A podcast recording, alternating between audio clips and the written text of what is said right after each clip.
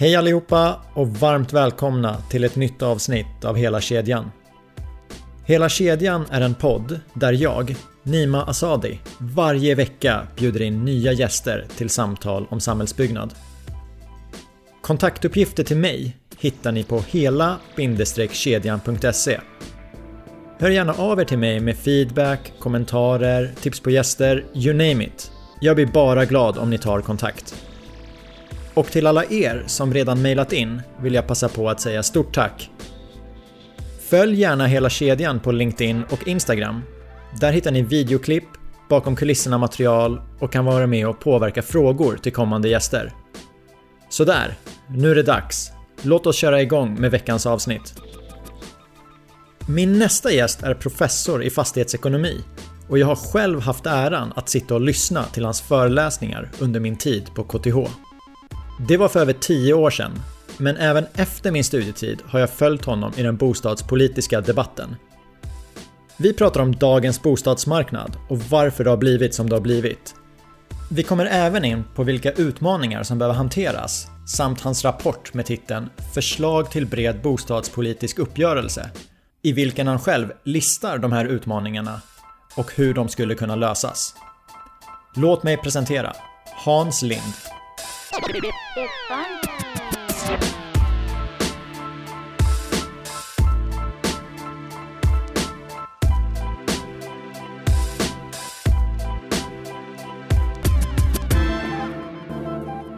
Varmt välkommen till podden Hans. Tack så mycket. Lyssnarna har i introt hört att du är professor i fastighetsekonomi och att jag för tio år sedan satt i din föreläsningssal. Mm. Vad gör du nu för tiden? Alltså jag gick i pension från KTH för fyra och ett halvt år sedan och, och jag har inga kopplingar idag. Jag är ingen sån här professor emeritus. Jag har inga kopplingar till KTH. Utan jag är en pensionär men, men så har det blivit så att folk frågar mig om olika saker. Vill du vara med där? Kan du hålla ett föredrag? Kan du vara med och skriva en rapport? Och, och, och det gör ju det att jag har ju så länge som det är saker som jag tycker är kul och en del betalar ju till och med. Så, att, så, att, ja, då har, då har, så det har ju blivit om jag jämför med hur det har blivit med vad jag trodde att det skulle bli så tänkte jag väl att om, om ett par tre år så tonar väl det här intresset ner. Ingen kommer att mejla mig längre, ingen kommer att ringa mig längre. Va? Men det gör de fortfarande va? och det är, det är väl kul. Va? Men det är klart att allting har ett bäst före-datum och mitt bäst före-datum närmar sig ju naturligtvis ganska snabbt. Men, men det är kul så länge man kan göra någonting som folk tycker är intressant och så. Det närmar sig men det kan vara långt bort för det. Ja, alltså det, min pappa blev ju 91 så det, man vet ju aldrig. Tio år sedan jag satt i din föreläsningssal men jag har ju följt dig i den bostadspolitiska debatten. Mm. Och om vi går in på den mm. så en av sakerna som har hänt är ju att eh, priserna på svenska bostäder de har i princip femdubblats på 20 år. Mm. Hur har det blivit så? Ja, om vi, om vi först tittar på det på efterfrågesidan så, så, så kan vi ju säga att under, de här, under den här perioden så har, om vi ska ta en väldigt enkel kalkyl. Liksom, Okej, okay, räntorna har halverats, disponibla inkomster har fördubblats. Du kan betala fyra, ja, fem gånger mer än tidigare och ändå inte få en större månadsutgift för ditt boende. Så ena sidan är ju, vi har haft en efterfrågeökning och en inkomstökning rent, som gör att folk har råd att betala de här femdubbla priserna. Liksom. Men sen har vi en, en utbudssida. Varför har det inte byggts mera? Hade, hade vi rullat ut en massa billiga bostäder, alltså, eller rullat ut en massa enkla bostäder, massa standardbostäder som man, som man gjorde förr i tiden. Då skulle ju inte folk behöva betala fem gånger så mycket. Så att, och då kommer ju frågan, varför har det inte byggts mera? Och den kan vi komma tillbaka till senare, men det är en viktig del också i det här.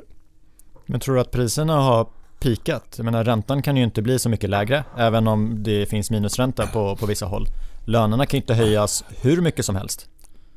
Alltså jag har haft så fel så många gånger när det gäller att förutsäga priser och man har liksom trott att kan det, kan det verkligen bli högre, tänkte vi 2005. Liksom. Ah, alltså det, det, det är att inse att vi lever i en värld av, av ständiga överraskningar. Vi trodde inte på att räntan kunde bli negativ. Ja, det kunde den bli. Liksom. Mitt intryck just nu är ju att Riksbanken ser det som väldigt viktigt att inte priserna faller.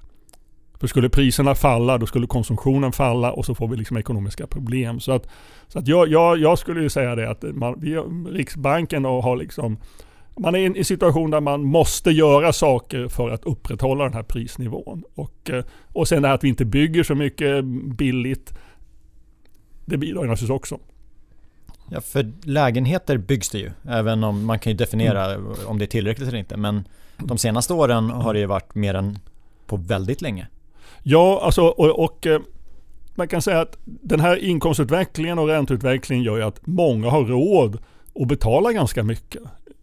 Lite, lite tillspetsat kan man säga att kommunerna bygger gärna så länge som det som byggs är dyrt. För bygger man dyrt då vet man att då flyttar det bara in relativt välbärgade människor. Och det finns en rad kommuner, om vi tar Stockholm som exempel. Stockholm, Solna, Sundbyberg, Nacka. De kan bygga ganska mycket dyrt. För där finns det en sån efterfrågan. Men det som, det som krävs om vi ska få lägre priser det är att man tillför någonting som är ganska billigt. Alltså standardprodukter som är byggda på, på, på, på liksom åkrar i utkanten av regionen om vi ska hårdra det. Och, och, och det byggandet har inte varit så stort.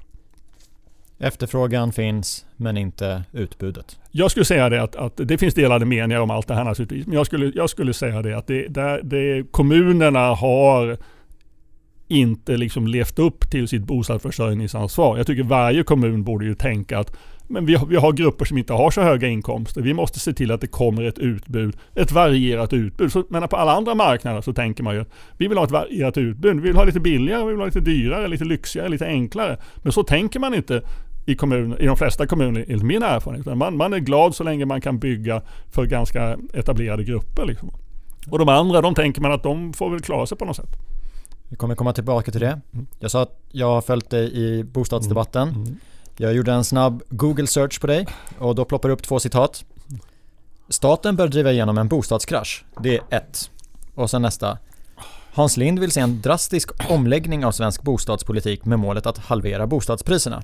Det var det andra. Mm. Så vi börjar med eh, halvera bostadspriserna. Alltså, hur, hur kom du fram till 50%? Jo, alltså historien bakom det här. Det pratas ju väldigt mycket om det här med bubbla. Har vi en prisbubbla eller har vi inte en prisbubbla? Och då, om man då är liksom lite filosofiskt intresserad så kommer man ju snart fram till men vad menar vi med en prisbubbla egentligen? Vad är definitionen på en prisbubbla? Och då är den officiella standarddefinitionen i vetenskap det är att en prisbubbla är de priserna inte kan motiveras av fundamenta. Och då blir ju följdfrågan, men vad sjutton är fundamenta för någonting?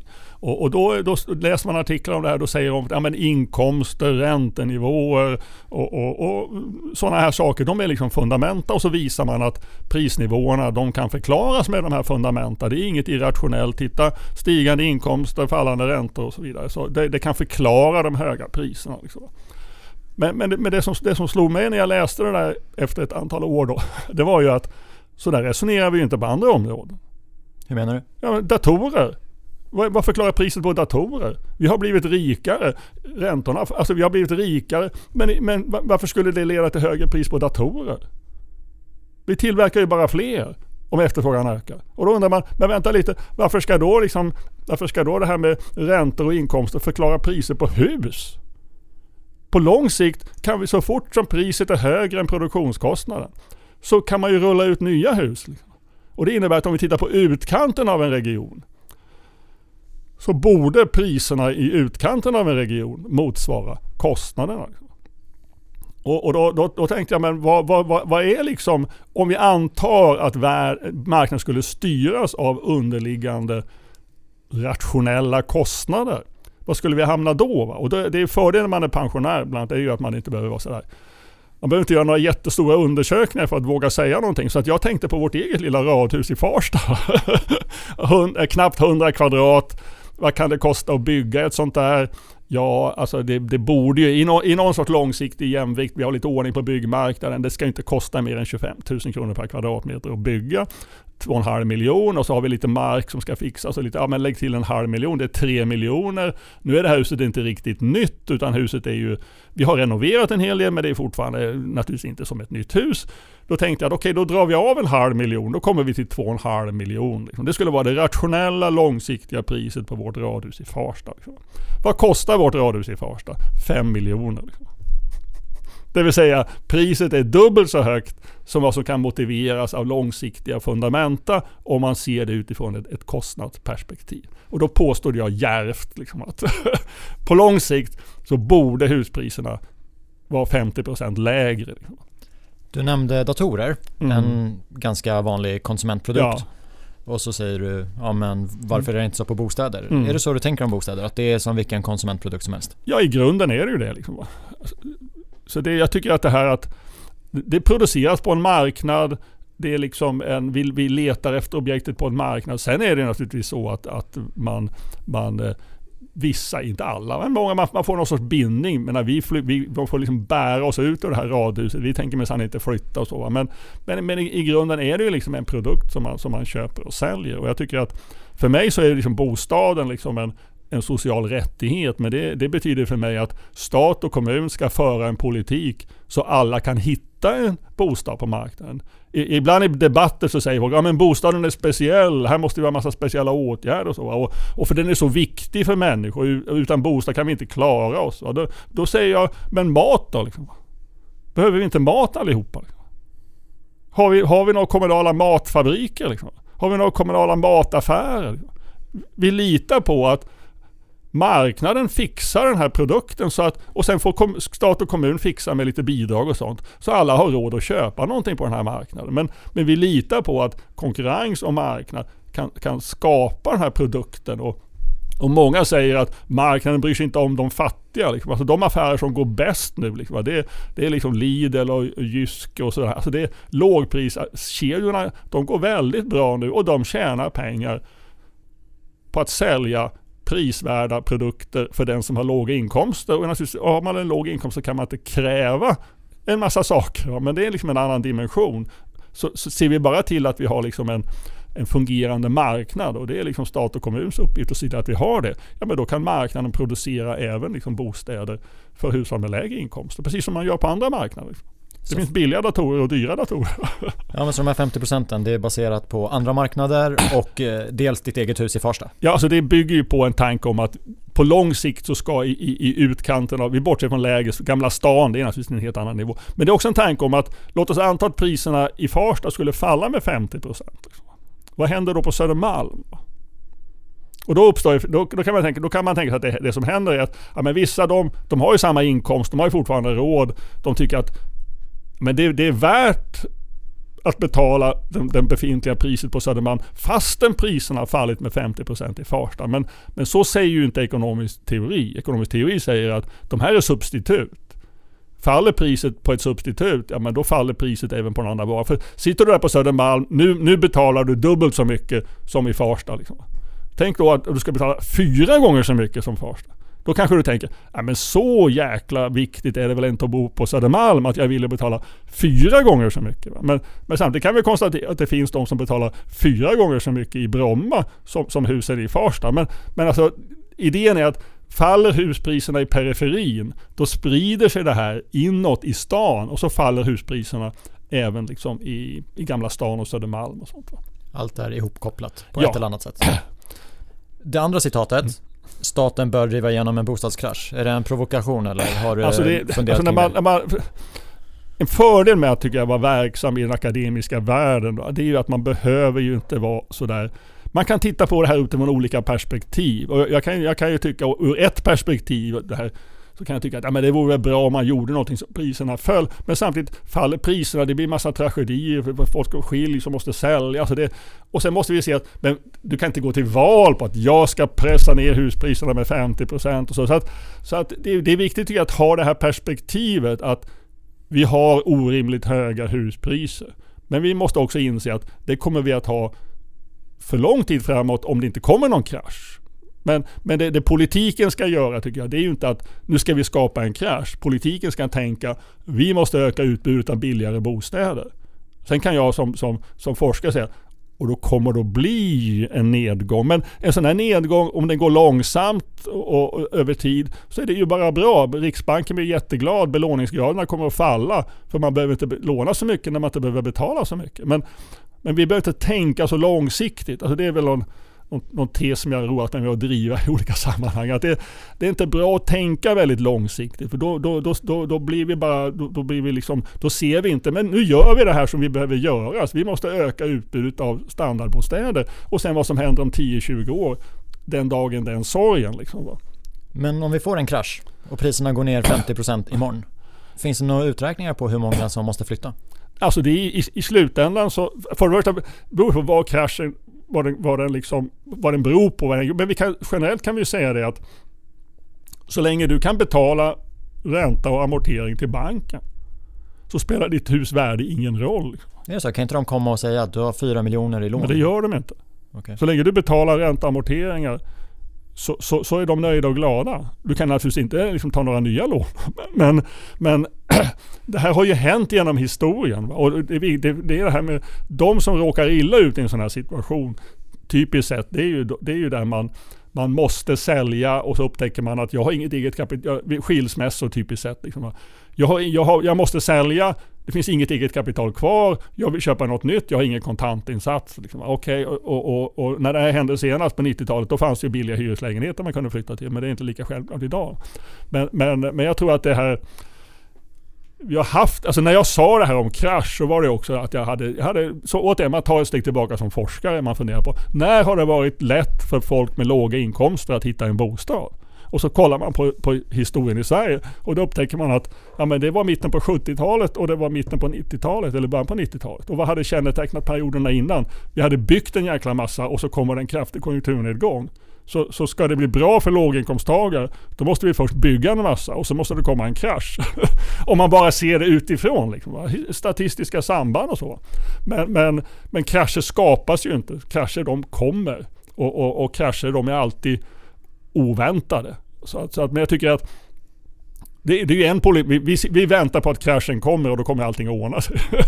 men, men så kan man inte tänka. Liksom. Och jag tycker också det att vi har en polarisering i samhället, vi har en polarisering i många debatter och det gör det att jag just för närvarande och kanske några år tillbaka tycker att vi behöver inte några mer extrema påståenden. Vi har fått nog av extrema påståenden. Oj, av typen fastighetspriserna måste falla med 50 Nej, men Det är bara ointressant att överhuvudtaget diskutera sådana frågor. Det vi ska diskutera det nu, vad kan vi liksom komma överens om i, i jag tror många ändå vill ha Även om man pratar om polarisering så tror jag att i slutändan så är det många som uppskattar kompromisser där saker och ting blir gjorda. Alla kan vara nöjda och glada. Man behöver inte hata varandra, man behöver inte skälla på varandra. Liksom. Så att, nu tänker jag mycket, men vad, kan vi åstadkomma tillsammans över liksom, gamla liksom, partigränser och, och, och, och, med fokus ändå på att alla ska ha liksom, en möjlighet att hitta en vettig bostad till ett rimligt pris.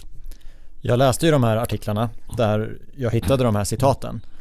Och sen så tänker jag ju, ja men vad, vad vill Hans att vi ska göra då? Och så hittade jag det här citatet. Politikerna borde sätta upp en plan på kanske tio år med målet att få ner bordpriserna. Och då så här, oh, Hans också. Politikerna borde få ihop en plan. Mm. Men sen såg jag att du har ju faktiskt tagit fram en rapport med ett förslag? Ja, alltså det, ofta när man diskuterar bostadspolitik så, så får man ju fråga typen vad, vad, tycker du man borde göra? Vad tycker du politikerna ska göra? Och då är det sådana här saker som du har hittat mina gamla citat och så. Men, men man, man kan ju också säga att det är inte lätt att vara politiker idag. Så det, det, det, det är många olika krafter åt olika håll. Ska man, ska man hjälpa till på något sätt som, som forskare och som, som så kanske man ska hjälpa till och, och liksom få till en kompromiss. Jag är lite påverkad av en, en bok som jag läste för 30 år sedan. Som handlar om hur, hur komma fram till den här fredsuppgörelsen mellan Israel och Egypten. Mm. Och, och där hade man alltså en strategi som var den att, att för det första måste ju båda parter vilja ha någon sorts överenskommelse. Va? Men där var strategin att man jobbade med, med ett dokument. Alltså man hade en, en medlingsgrupp och så hade man ett dokument. Parterna träffades aldrig. Utan medlaren gick till den ena parten. Medlaren, först hade ju medlaren tänkt efter, ungefär som jag försökte göra. Vad borde de kunna komma överens om? vad känns inte helt absurt att komma överens om? Och, och, och, utifrån det så tar de fram ett dokument. Och sen går de till de här båda parterna och, då, och då, då, då parterna litar på medlaren. Så parterna vet att vi kan säga saker till medlaren som vi absolut inte vill säga utåt, just nu i alla fall. Och, och, och, det innebär att då kan medlaren fråga, men vad, ni, ni, har, ni har sagt utåt att ni kan absolut inte tänka er det här, men är det verkligen så? och då kanske de säger, ja men vi kanske kan tänka oss det här om vi får något annat. Ja, och då, kan man, då så går man till den andra gänget och ställer samma fråga och så börjar man skruva. Liksom. Det här förslaget till bred bostadspolitisk överenskommelse, det är faktiskt så att vi tog fram en preliminär version. som vi skickar till de bostadspolitiska talespersonerna i, i tre partier. Och det här var ju före januariöverenskommelsen. Precis. Och, och, och, och, och testade det här på dem. Liksom. Och, då kunde, och vi, vi lovade liksom mm, konfidentialitet, så de kunde ju säga saker till oss om att det där som vi har varit emot, det kan vi nog tänka oss att acceptera om vi får det där. Och sen kunde vi gå hem och skruva och, och, och eh, jag tror att idag så är det, ska man göra någon nytta som expert och, och forskare så, så är det inte genom att lägga fram en massa radikala förslag. Nu ska vi ta bort hyresregleringen, nu ska vi återinföra fastighetsskatten. Utan det är att sätta sig för vad, vi har de politiker som vi har valt, vi har de partier som vi, som vi har röstat på vad skulle de, och vi behöver, inget parti har någon majoritet, vi har ju liksom inga majoriteter egentligen riktigt någonstans. Alltså, det måste ju ändå vara en, en bred, jag tänker, jag tänker lite som i tysk, alltså här, ska det bli någon ordning på saker och ting så måste socialdemokrater och moderater komma överens. Annars blir det ingen ordning. Det är inte mer komplicerat än så. Och då är frågan, vad skulle de kunna komma överens om som, som, som, som man som forskare ändå kan tänka att det här kommer att putta liksom marknaden i rätt riktning utifrån de här målen om att alla ska ha en chans att hitta en bostad och så vidare. Och så vidare. Men din erfarenhet eh, när du varit i kontakt med politikerna, hur mycket är det ideologin som stoppar breda överenskommelser och hur mycket är det att man inte vill framstå som en förlorare? Alltså jag, jag, min bild av situationen det är ju att i alla partier så finns liksom båda typerna. Liksom. Och, och, eh, eh, och, och, och det, det, det, gör det också att mitt förslag det har kanske också som syfte att försöka stärka vad vi kan kalla för den pragmatiska falangen. Vi såg ju det här i samband med januariöverenskommelsen. Vi har sett det. Där var det väldigt tydligt. Vissa inom socialdemokratin, absolut inte. Vi ska stå fast. Hellre stå som opposition och vifta med våra röda flaggor än att skriva på något sånt här. Och likadant liksom inom, speciellt inom Liberalerna, där nej men det här ska vi absolut inte göra. Jag, jag tror att ska vi på något sätt ändå röra oss i någon sorts gammal folkhemsriktning. Då, då måste de här pragmatiska grupperna i de olika partierna se att men vi måste faktiskt stå upp. Min erfarenhet generellt är ju att alltså extremister, de är ofta mer högljudda, de är självsäkra, de är hänsynslösa.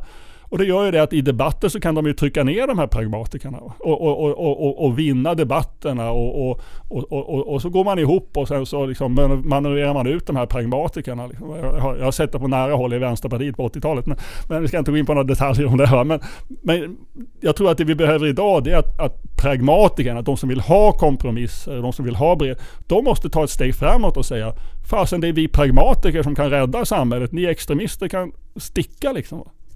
Så det är värt att få igenom lite grann än att inte göra någonting. Ja, precis. Va? Och, och, och i, i, det, i, det, politiska läge som vi har så, så, så, så kan man inte att hålla på hålla på att drömma om, om både höger och vänster. Liksom. Alltså där, vi har reformister inom socialdemokratin, vi har ett antal liksom, inom Moderaterna också. Liksom. Och, och jag var faktiskt inbjuden att hålla föredrag på någon liten kurs för unga moderatpolitiker på Timbro för, för, några gånger. Och det jag har börjat med att säga är att ni måste inse att ni aldrig kommer att ha makten. Va?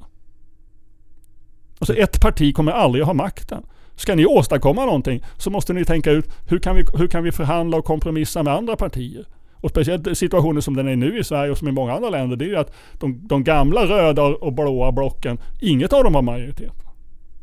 Och då, att, att då, då, finns det två alternativ. Antingen samarbeta med någon, någon sorts mitten, mitten, de här som står utanför. Det kan vara enfrågepartier i kommunerna eller så kan det vara liksom Sverigedemokraterna på nationell nivå. Man, här måste man ju bestämma sig. Liksom, vad, vad, tror man om fram... Man måste ju inse att vi kommer aldrig att få makten på det sätt som Socialdemokraterna hade eller som Alliansen hade. Det politiska läget är inte sånt. Och då, då tror jag det här att nej, men nu måste vi faktiskt tänka mer konkret. Och tittar vi på kommuner så finns ju alla möjliga udda samarbeten i kommunerna. Men det finns kommuner där, där Vänsterpartiet och Moderaterna regerar tillsammans. Men då är, det är lite personkemi, det är lite insikt om att vi har vissa konkreta problem här. Och, och kommer man ner på den konkreta nivån då, då kanske de här ideologiska sakerna inte spelar så jättestor roll. Liksom. Så vi måste få till en bred bostadspolitisk uppgörelse och då blir jag glad. För den här rapporten som mm. du har skrivit, mm. den heter ju Förslag till bred bostadspolitisk uppgörelse. Ja, precis. Så jag och, tänker, om det är okej okay för dig, ja. att eh, vi går igenom den. Ja, kan vi göra. Första kapitlet, rollfördelning, stat, kommun, marknad och medborgare. Mm. Hur sammanfattar du det kapitlet? Alltså, det viktiga här om man tänker på kort sikt och på liksom, vi ska inte, vi ska inte tänka för liksom extremt här. Det är ju att stat och kom, staten måste inse att vi har ett bostadspolitiskt ansvar. Det är väldigt lätt att säga. Det är, kommunerna har ett bostadsförsörjningsansvar. Det måste vara så att stat och kommun ser det som att vi har ett gemensamt ansvar. Och staten måste också inse att jag menar, ytterst är det faktiskt riksdag som styr det här landet. Och, och då, då, måste man också, då måste man kunna säga till kommunerna att vi har ett kriterium för att bedöma om ni har skött er eller inte. Man behöver inte uttrycka sig så här rakt på saker som vi gör nu. Men, men vi, om ni inte sköter er, då kommer vi att, att göra någonting. Liksom. och, och, då måste staten tala om vad, vad menar vi med att man har skött sig. Och då, då, då, då är det förslag i rapporten här. Det handlar ju om att man måste kunna se när man tittar på kommunen att de på allvar gör vad som är rimligt för att hushåll med lägre inkomster ska kunna hitta en bostad i kommunen. Det är liksom stat, staten. Och tittar, går vi, tittar vi på grundlagen så står ju särskilt att allmänna har ett särskilt ansvar för bostäder och så. Så att här tycker jag staten måste, måste liksom precisera det här ska ni leverera i kommunen. Och jag tror att många kommuner de skulle gärna leverera det här. Speciellt om de kan säga att, att det är staten som har sagt att de ska leverera det. Men staten måste ju också Förutom att ha någon sorts piska här, va? ni måste göra det här, nu, nu preciserar vi bostadsförsörjningslagen. Så måste ju staten också ha lite morötter i det här. Va? Vi hjälper till med infrastruktur. Och, men jag ser det mer som att stat och kommun måste liksom, i regionala diskussioner först säga det att ja, men vi har ett gemensamt ansvar för att det här samhället ska fungera för alla. Liksom, Okej, okay, och då tycker staten att vi ska göra det här och då kan vi diskutera årligen följa upp. Gör ni det här? Gör ni inte det här? Vad behöver ni hjälp med? Och sånt. Så att nu har det varit väldigt mycket så att bostadsministrar har skyllt på kommunerna. Kommunerna har skyllt på massa statliga regler och vissa har skyllt på marknaden. Och, alltså, alltså det, det är en del i det här med att eh, ska vi få en kompromiss så är det kanske inte så att här ska jag sitta och tala om vad den här kompromissen ska innehålla. Det är kanske så att ni tillsammans måste se att okej, okay, vi vill komma överens. Va? Vi vet att vi har ett problem som vi måste lösa. Vi kan inte skylla på andra. Nu måste vi ta itu med det här. Och så jag tror att den här mentaliteten om att, att ja men fan, vi har ett ansvar för det här landet va? och vi har ett ansvar för att alla ska kunna hitta en bostad på marknaden. Då får vi göra någonting. Liksom. Ja, men du skriver att eh, förhandlingar sker regionvis mellan stat och länsstyrelse för att se till att kommunerna mm. lever upp till det här. Mm. Och idag är det ingenting alls av det, om jag tolkar dig rätt. Man kan säga det att det finns, det finns inget... Kommunerna uppfattar liksom att de, de... Dels har de inget konkret krav från staten och dels så känner de att staten lägger massa hinder i vägen. Det kan vara strandskydd för varenda dike eller något, allt möjligt annat. Så att det är lite den här, men nu får vi fan sätta oss ner och lösa det här. Det är liksom det vi behöver en, en anda här på politiken. Och jag tror att om moderater och socialdemokrater i riksdagen kommer överens om att ja, men nu ska vi göra de här sakerna, gå i den här riktningen. Då, då det är klart att då blir det lite svårare för moderatpolitiker och socialdemokrater och alla möjliga andra politiker att sen i sin kommun säga att vi, vi struntar väl i de fattiga i vår kommun. Vi tänker inte bygga några boklokprojekt här.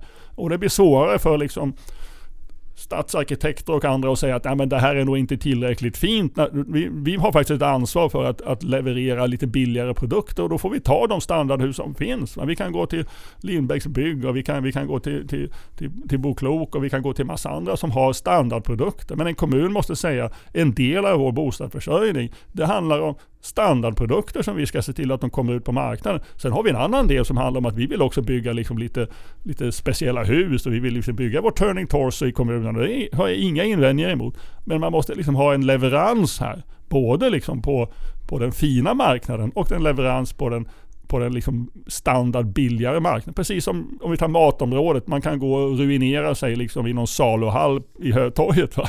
Men du kan också gå till Lidl i, Farsta och, och, och, hitta billiga produkter som ändå är bra. Ja, hur bra de är, men det, det, du, du, du överlever på dem i alla fall.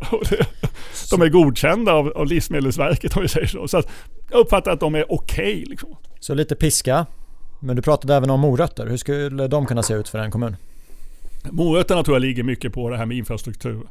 Att, att, att, att eh, vi, vi, hjälper, för det finns hinder av olika slag. Men, men morötterna tror jag också ligger i att man måste Staten måste vara liksom lyhörd för, ja man kan inte ge något i ett annat sammanhang som inte skriver så mycket om i den här rapporten har vi, har vi resonerat om att dispensmöjligheterna borde liksom vara större i alla möjliga sammanhang. Och då kan du, då kan du se liksom en morot i det att om du har en bra idé här, du har ett projekt som verkar seriöst, men det är någon liten regel här som det bryter mot, ja men då kan vi ge en dispens. Men om du inte liksom vill du inte spela med här, du vill inte ta något ansvar, men då ska du inte tro att du har någon chans att få någon dispens för någonting. Och, och vi kommer att vara elaka mot er när vi har tillfälle att vara elaka mot er. Men jag tror ju att det finns så mycket av samarbetsanda och så mycket av socialt ansvarstagande i Sverige idag att det här kommer inte vara något problem. Det handlar bara om att man måste vara, man måste vara tydlig. Och man måste ha en idé om vad är det som ska göras. Och, och, och det enkla svaret här är att alla kommuner måste liksom ha ett samarbete med leverantörer av standardprodukter på bostadsmarknaden. Inte komma och tjafsa om att ja, men vi tycker inte det där är tillräckligt fint. Vi har, och visserligen har vi byggt 2000 sådana här hus tidigare men här i vår kommun tycker inte vi att det här Alltså det där måste bara bort. Va? Vi har ett ansvar. Politikerna har ett ansvar för att det kommer ut produkter jag tror att det är mycket lättare. Alltså det, vi har alltid missnöjespartier i kommunerna. Jag tror att det kan vara mycket lättare för de som vill ha det här och, och, att kunna säga det att staten har tvingat oss. och, och, och, då, då, då, då, fast man egentligen vill göra det här själva. Så säga att staten har sagt att vi ska bygga blandat. Jag har gjort en parallell en gång. Där jag gjort en, anta att en kommun skulle säga men vi tycker det räcker med sjuårig skola. Liksom. Vad skulle vi säga då? Vi skulle säga jävla idioter liksom.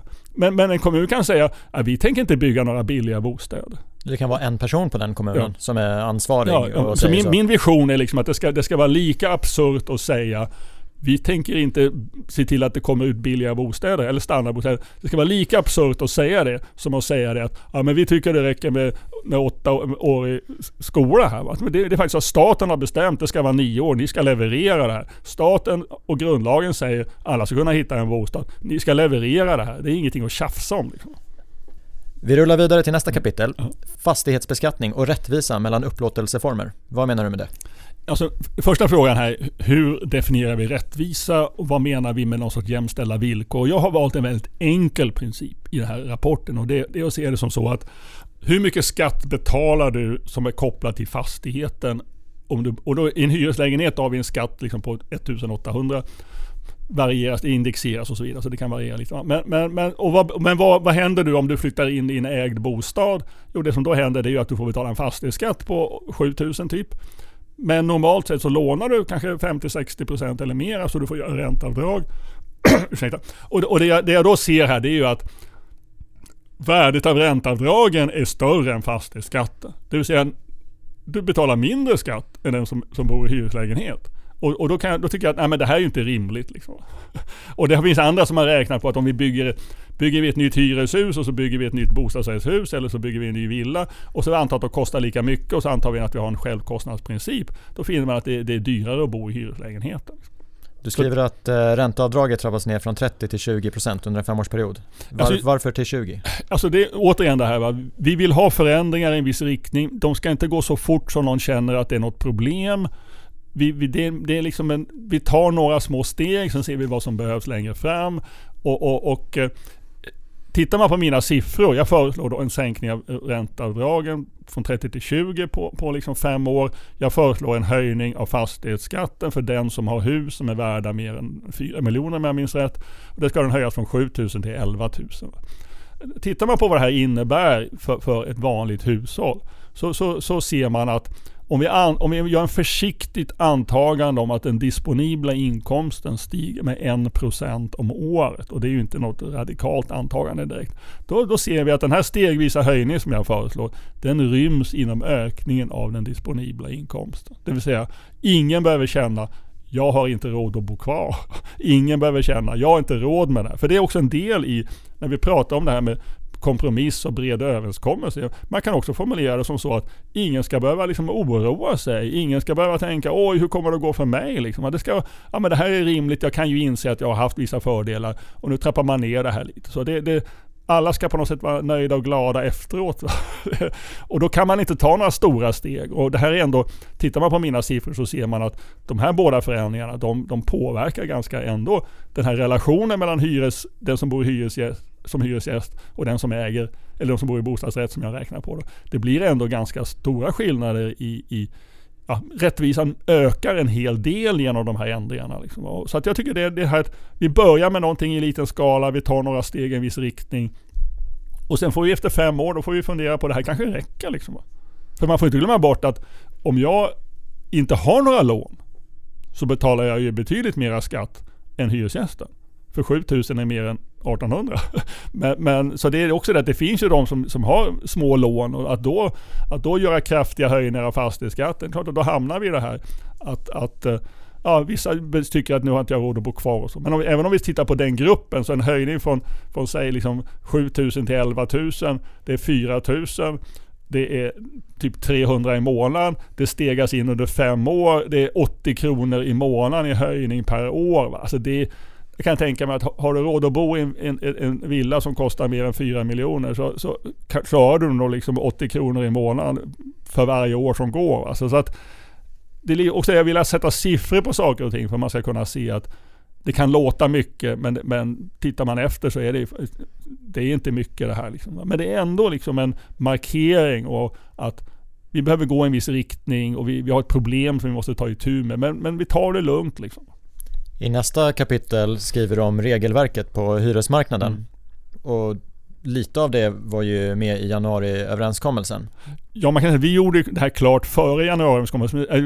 Den var klar före, men sen justerade vi lite för att sätta in det i ett sammanhang efter överenskommelsen. Det var, det var samma vecka. Liksom. Så den här fri hyressättning i nyproduktion? Den var med från början. Liksom. Mm. Vi, det, var inget, det var ingenting i överenskommelsen som stred mot vårt förslag, men vi hade ju mycket annat också. Men, men, men, men jag tycker det här är också ett exempel på en, Etc. Vi har bråkat om det här med, med friare hyror i 60 år. Liksom. Men någonstans måste vi börja och, och se vad händer om vi faktiskt provar det. Men vi vill inte att folk ska vara oroliga. Vi vill inte att folk ska känna att jag kanske måste flytta. Och vad gör man då? Ja men då gör man som man har gjort i många länder. Man börjar med nyproduktion. Och, och, och, så, och så har man fortfarande, det är inte så att det är helt fritt. Det, det finns ett, det är fri hyressättning när du har en tom lägenhet. Men du har ett, ändå en spärr, du får inte höja hyran hur snabbt som helst när du väl har flyttat in och så. Så att det, det ska fortfarande kännas tryggt. Men, men jag tycker det, det och, och, och, vissa har ju skrivit artiklar om att Åh, det kommer leda till hyreshöjningar i nyproduktion. Men alla som vet någonting om läget på marknaden vet att det stämmer ju inte. Vi ligger ju redan nära marknadsnivå och då kan jag ju tycka att varför ska Hyresgästföreningen hålla på och bråka om det? Va? Låt oss prova. Om de, om de menar att det är så dåligt med fri hyressättning, då kommer vi att se det på fem år. Att det här var en massa problem och det hände det här och det här. Och då kan vi liksom stoppa det här. Då kan vi säga att nej, men nu, nu går vi tillbaka till det gamla. Eller så ser vi att nej, men det här funkar väl ganska bra och då kan det bli en diskussion om ska vi, ska vi utvidga det här till Säg att det här införs 2020, då kan man ju tänka sig att om fem år sedan, men det här var ju riktigt, funkar ju ganska bra det här. Då säger vi kanske att alla lägenheter som är byggda efter 2015 där får man sätta fri hyra när det blir en ledig lägenhet och sånt. Det, så man kan liksom, men det behöver man inte, just nu behöver man inte ta ställning till om det här är en tillfällig reträtt eller ett första steg mot en radikalare reform. Det behöver man inte bry sig om. Liksom. Det beror väl på lite vem man frågar. Jag var inne på din linje mm. att nyproduktionen, det är väl ganska nära marknadshyror. Mm. Men eh, vi har ju haft en fastighetsägare med i podden som sa mm. att det stämmer inte. Vi kan ta ut mycket högre hyror. Ja, det, jag skulle säga det. Du, du kan ta ut mycket högre hyror för vissa speciella objekt. Liksom. Men jag skulle säga det att jag skulle säga det, det min, jag menar jag hörde ett föredrag för, ja, det var väl ett och ett halvt år sedan på Almedalen där en, en VD i ett stort fastighetsbolag säger det att vi har 30% omsättning i våra nyproducerade hyresrätter. Om man har 30% omsättning då är det ett tecken på att man ligger över marknadsnivå. Ett sätt att eh, höja hyror annars är ju vid renoveringar. Mm. Och jag har ju tänkt tanken, det är ett miljonprogram som står inför ganska omfattande renoveringar. Hur eh, skriver du om det? Alltså första är det ju helt enkelt, jag, jag vill påstå, jag kanske har fel, jag vill påstå att det är en myt att vi har ett stort miljonprogram som är behov av renoveringar. För det första har vi ett, ett miljonprogram som, där mycket har renoverats. Och för det andra så har vi ett miljonprogram som inte alls är så dåligt som alla tror.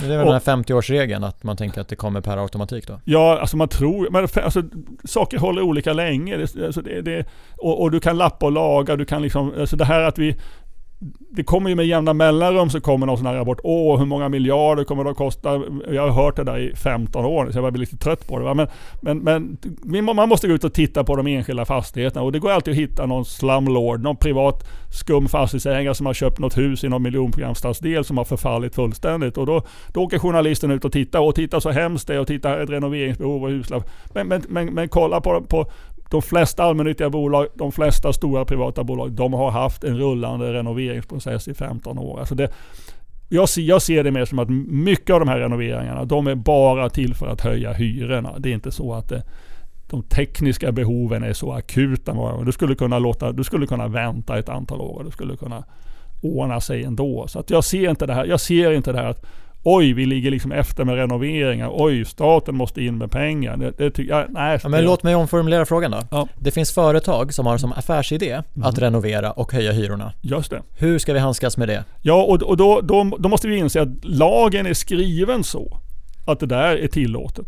För lagen säger att hyran ska sättas utifrån standard. Och det innebär det att om jag, om jag renoverar min lägenhet och höjer standarden, och vad innebär det att höja standarden? Ja, enkelt, typiskt sett helkaklat badrum istället för plastmatta och halvkaklat. Gör jag det, då kommer mitt hus att likna nyproduktion. Och när det då sker en jämförelseprövning i hyresnämnden, då blir, då blir hyrorna i nyproduktion relevanta jämförelseobjekt. Sen blir det inte, man tar inte, man tar inte nyproduktionshyran. Men om om vi säger att den gamla hyran är 1000 per kvadratmeter, marknad, nyproduktion kostar 2000 kronor per kvadratmeter. Då säger hyresnämnden, ja men det här är ju inte så långt ifrån liksom nyproduktion. Då får du 1500 va. Och, och, och, och, och, och, och de här renoveringarna drivs just av att nyproduktionshyrorna är så höga. Och skillnaden i standard mellan nyproduktion och 50 år gamla, de är inte särskilt stora. Så då kan du med de här symboliska åtgärderna, liksom, ja, parkett i alla, alla rummen, helkaklade badrum, så kan du få 50-procentiga hyreshöjningar. Men du skriver ju att om hyran är 1000 kronor Mm. och det görs renoveringar Ja. så ska fastighetsägaren erbjuda ett alternativ om det är så att Precis. fastighetsägaren Exakt. vill höja hyran med mer än eh, 20%. Det, det finns ett antal seriösa bolag som, som, som, gör, som ger hyresgästen val. Du kan välja ett minialternativ. Där fixar vi bara det absolut nödvändigaste. Och så har du liksom ett maxialternativ där du i princip totalrenoverar lägenheten. och och mini-alternativet får inte vara mer än 20%. Det jag, det jag har sagt i den här rapporten, och menar, siffror i sådana här sammanhang, du kan ta 22, du kan ta 18. Alltså det, men, men det ska ändå vara så att, att eh, när du renoverar så måste du erbjuda ett minialternativ som, som, eh, som är eh, högst 20% hyreshöjning. Och gör du inte det och, och man inte kommer överens med hyresgäst, då kommer hyresnämnden att säga nej. Liksom. Man får inte glömma bort, och jag tycker många glömmer bort det här med att varför renoverar vi bostäder? Och, och då säger jag, vi renoverar bostäder primärt för att, eh, vi har två skäl att renovera. Det ena är att vi kan höja, tänk, tänk en fri marknad. Vi har marknadshyra. När renoverar man när vi har en, en marknadshyressystem? Ja, det, det första är att jag renoverar det här för att minska mina drift och underhållskostnader. Jag har en massa vattenskador, jag har hög energiförbrukning. Och om vi, om vi renodlar kan vi säga att här skulle en, på, en, på en fri marknad så skulle man kunna tänka sig att här renoverar fastighetsägarna de tekniska systemen. Men det är ju ingen som betalar extra för det. Va? Du förväntar dig att avloppet ska fungera. Inte sjutton betalar du extra bara för att då har de bytt stammar. Ja, men det, jag som fastighetsägare sparar ju kostnader. Ja precis, du finansierar renoveringen med minskade drift och underhållskostnader. Men sen är det också så att jag kan renovera jag kan ha ett, ett hus som är, som är, som, där det är inga problem med de tekniska systemen. Men jag inser att om jag renoverar mitt hus lite här, då, kommer, då, kommer, då kan jag hyra ut en högre hyra för folk värderar de här. Så det är väldigt många som vill betala extra för helkaklade badrum. Då skulle jag på en fri marknad naturligtvis helkakla badrummen och, och, och, och, och kunna hyra ut till en högre hyra. Men med min bedömning, och den kan vara fel, det är ju att de som bor i, i speciellt i förortsområden eh, där med relativt låga inkomster, deras betalningsvilja för ett helkaklat badrum istället för ett, ett halvkaklat badrum är ganska låg. Va? De här, den här 50-procentiga hyreshöjningen som kommer, den speglar ju inte alls värdet för, för konsumenten. Men i de projekt som vi har haft så har vi uppfattat det som att ja, men 20% mer kanske man är villig att betala. För man får ju ändå ett finare badrum. För du kan inte byta stammar utan att liksom fixa till badrummet lite. Om det sen är en ny fin plastmatta eller om det är hel, hel kaklat, det, spelar, det får ju fastighetsägaren bestämma. Liksom.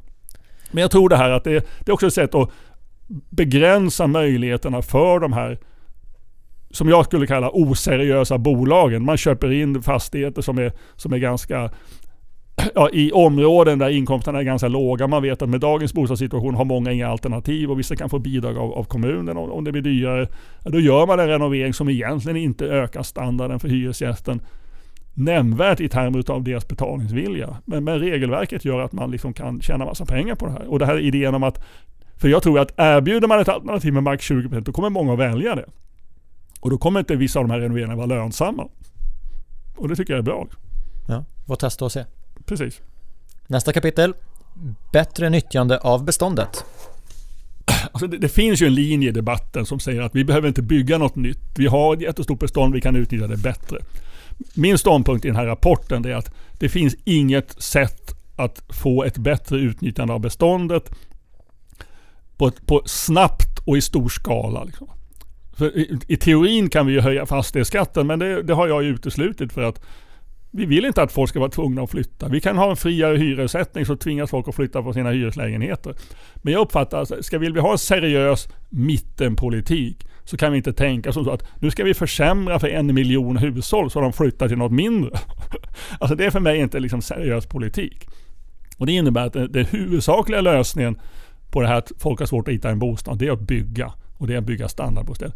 Sen ska, vi inte vara, sen ska vi vara medvetna om att det är klart att det vore bra med ett bättre nyttjande av beståndet. Så länge vi kan jobba med morötter Typ, eh, och det är det som vi föreslår här. Att man, man ska, man, vi, får, vi, får sänk, vi får på sikt så får vi liksom sänka reavinstskatten så har du bott länge, så har du bott mer än, mitt förslag är, har du bott mer än 20 år, då ska du betala 10% i reavinstskatt istället, istället för 22. Ja, för det är väl där vi är ibland, ja. att man har bott någonstans Precis. länge i 20 år, barnen har flyttat ut, men Precis. man bor fortfarande på 150 kvadrat. Exakt. Och är det en hyresrätt så ja. har man förmodligen en lägre hyra. Precis. Och är det en bostadsrätt så mm. kommer det försvinna väldigt mycket pengar. Men delvis måste vi, alltså vi, vi gjorde, det här var många år sedan i och för sig, typ 12-13 kanske. Så, så gjorde vi en studie som, som av olika skäl inte spreds så mycket. Men vi tittade på boendetäthet i bostadsrätt och hyresrätt i centrala Stockholm. För tanken var ju liksom att det, den hyresregleringen gör att folk brer ut sig. Liksom. Och, och, då, och, då, får vi ett sämre nyttjande av beståndet i, i, i matematiska termer. Det blir, och, och, och, så när vi, när vi gjorde den här studien utifrån antal skrivna och, och, så vidare. Då upptäckte vi att det var ingen skillnad. Därför att hyresregleringen har två effekter. Det ena är att vissa bor större. Jag har ingen men också att vissa bor tätare. Du bor i en tvårummare, med, med, du, ni får barn, ni, ni, kan inte byta den här mot en trerummare, du vill inte ge dig ut på den svarta marknaden. Då har ni lite compact living. Va? Så tittar vi totalt sett så, så, är liksom inte hyresregleringen någonting som gör att vi nyttjar beståndet så mycket sämre. Men för mig är det mer det här sociala, vi kan inte hålla på och tvinga folk och så. Va? Men vi kan göra till exempel det här med ta bort reavinstskatten, om du, trappa ner reavinstskatten steg för steg om du har bott länge. Jag tror också att vi kan göra en hel del när det gäller äldreomsorgen. Att, jag tänker mig att kommunen borde ha liksom ett ansvar för att när folk blir 80, då ska man skicka ut någon tjänsteman och snacka med de här pensionärerna och se liksom vad, hur tänker ni? För när man är 80, det är då som man börjar liksom, om man inte har gjort det tidigare, tänka att jag, jag klarar nog inte av att bo kvar här, det är lite bökigt och jag skulle vilja ha något mindre eller någonting. Och, och, och att då kunna få liksom en, en, en en diskussion med kommunen och kommunen har möjlighet att fixa lite förturer och lite annat. Så tror jag att det, och, och, och till och med att staten skulle kunna ge ett bidrag. Om du flyttar från något stort till något väsentligt mindre, då får du 50 000 av staten, täcker flyttkostnader och lite pengar över. Så att vi, vi måste liksom med lite, med lite morötter här och lite initiativ gå direkt på vad är det för grupper vi tycker borde flytta till något mindre och som kanske själva vill flytta till något mindre och då är det ju den här pensionärsgruppen. Och, och jag tror att det här trappar vi ner, tar vi bort det här, eh, det är med i januari, så kommer vi ta bort det här med räntan på uppskov och vi på sikt trappar vi ner liksom eh, Ja, vi, trapp, vi trappar ner reavinstskatten för de som har bott länge. Då är det, det är en del i det här. Det, ja, det, det, ska, det ska kännas som att jag, jag, det, det, det, är bra för mig att flytta till något mindre. Och, och, och eh, så jag, jag, tror att vill vi få en förändring med, no, med någon form av liksom socialt ansvar, då är det liksom morötter vi måste jobba med. Det, vi, kan inte, vi kan inte, och det är både politiskt och socialt oansvarigt att tänka att nu ska vi tvinga folk att flytta till något mindre. Och då, då, då kan vi skruva på reavinstskatten. Men samtidigt, jag tänker mycket, menar vi, nästa år fyller vi 70, både min fru och jag våra, vi har flera grannar som är liksom närmare 90. Liksom. Alltså väldigt många, de, de vill bo kvar i sina hus. Nu har vi inte så jättestora hus och så. så men, men jag, jag, tror att man måste inse att, att, att påverka det här med flyttning med liksom ekonomiska incitament. Det, det, är inte liksom, det är inte så många som är i en situation att det handlar om pengar. Så att jag, jag, därför tror jag att det är bra att göra de här sakerna, men, men tro inte att vi kan skruva på de här reglerna så att vi inte behöver bygga en massa nya standardbostäder. Det säga, nej, det är, vi måste ändå tänka som att det är nyproduktion som är det viktiga i det här sammanhanget. Och man får inte glömma bort heller, vi har faktiskt haft en väldigt snabb befolkningsökning. Och tro att vi kan hantera det så att, så att med, med, inom ett befintligt bestånd, alltså det, det, för mig känns det bara det helt orealistiskt. Nyproduktion och morötter, det kommer vi in på i det sista kapitlet, resurser, finansiering och risktagande. För där skriver du att investeringsstödet till billigare hyresrätter, det blir kvar tills vidare. Sen skriver du även att eh, staten kan ge hyresgarantier till den som bygger hyresrätter som är viktiga för boendesituationen. Mm. Och så skriver du också om det här med eh, att staten ger kommuner bidrag till infrastruktur. Mm. Hur eh, nära är de två åtgärderna, hyresgarantier och stödet till alltså, infrastruktur? Jag, jag tror att det här med hyresgarantier, det, jag, jag, ser fram, jag pratar om det här med dialog mellan stat och kommun. Men jag tror att det här är lite som vad man har gjort i Tyskland. Det behövs också en dialog mellan stat och bransch. Där, där, där stat, okej okay, nu har vi det här målet. Vi måste få ut lite mer standardbostäder i lägen som kanske liksom inte är B-lägen. Vi är ute i någon, någon, någon sorts C-lägen. Liksom. Och, då, och, då, tror jag att här måste staten sätta sig ner med, med branschen, både liksom fastighetsbranschen och byggbranschen. Men hur kan vi hantera det här? Va? Och då tror jag att vissa av dem kommer att säga att vi uppfattar att det här är lite för riskfyllt. och då, då, i de lägena så tror jag att då måste staten måste inse att det, det är nog inte så riskfyllt egentligen. Men det kan de inte bara säga till investeraren. Om investeraren säger vi bedömer att det här är riskfyllt och staten säger nej det är det inte alls. Då, då händer ju ingenting. Då måste ju staten säga någonting. Och, och, och, och, om staten har rätt i att det här är nog inte så riskfyllt med tanke på befolkningsökning och så. Då, då kostar det ju ingenting att ge en hyresgaranti. Så jag tänker mig liksom att en hyresgaranti tar då form, bygger du ett hyreshus, då, då, då, då, då kommer vi överens om en, om en, eh, du vill sätta en viss hyra och vi bedömer att du kan hyra ut det här. Skulle det sen komma en nedgång så du inte kan hyra ut till den här hyran, då kan du få liksom ett, ett hyresstöd då ett, ett antal år framåt. Och den, men den kommer att trappas ner så att du måste inse att efter tio år, då får jag stå på egna ben. Liksom. Men mitt intryck är att med, med dagens räntenivåer, även om vi har relativt höga produktionskostnader, så, så, kan man faktiskt bygga och hyra ut till ganska låga hyror. Sen finns det ju en paradox som jag har mött och som jag... Och det är ju det att Kommuner säger till exempel, ska vi bygga liksom i C-lägen så är det mer riskfyllt. Då måste vi ha ett högre avkastningskrav. Då måste vi sätta en högre hyra. Men, men, men, min reaktion är ju då, men det är ju på grund av den höga hyran som det är riskfyllt. Alltså det, det blir ju liksom ett jättekonstigt resonemang. Man ska ju fråga sig, om jag tar den här låga hyran, hur stor är då risken? Om den här låga hyran ligger typ 20-30% över ett nedgånget bestånd, så klart du kan hitta hyresgäster som är villiga att betala 20-30% mera. Men då kan, så att det här att, att liksom koppla risk, säga att ja, alltså att helt enkelt, man måste ju bedöma risken vid en hyresnivå som är tillräcklig för att det här ska bli lönsamt. Och, och, och men, jag, men jag tror det här att det är en del i det här att vi ska lösa det här tillsammans. Då måste staten vara med och ta lite risker. Staten måste vara med och ta en del av kostnaderna. Och då är liksom infrastruktur med fokus på C-lägen och eh, hyresgarantier för projekt. Det är ingen som ska ge några hyresgarantier för projekt centralt i stan naturligtvis. det här handlar ju om projekt där vi kan säga att här finns det delar som, som vänder sig till husen. Vi, vi kan tänka oss en situation.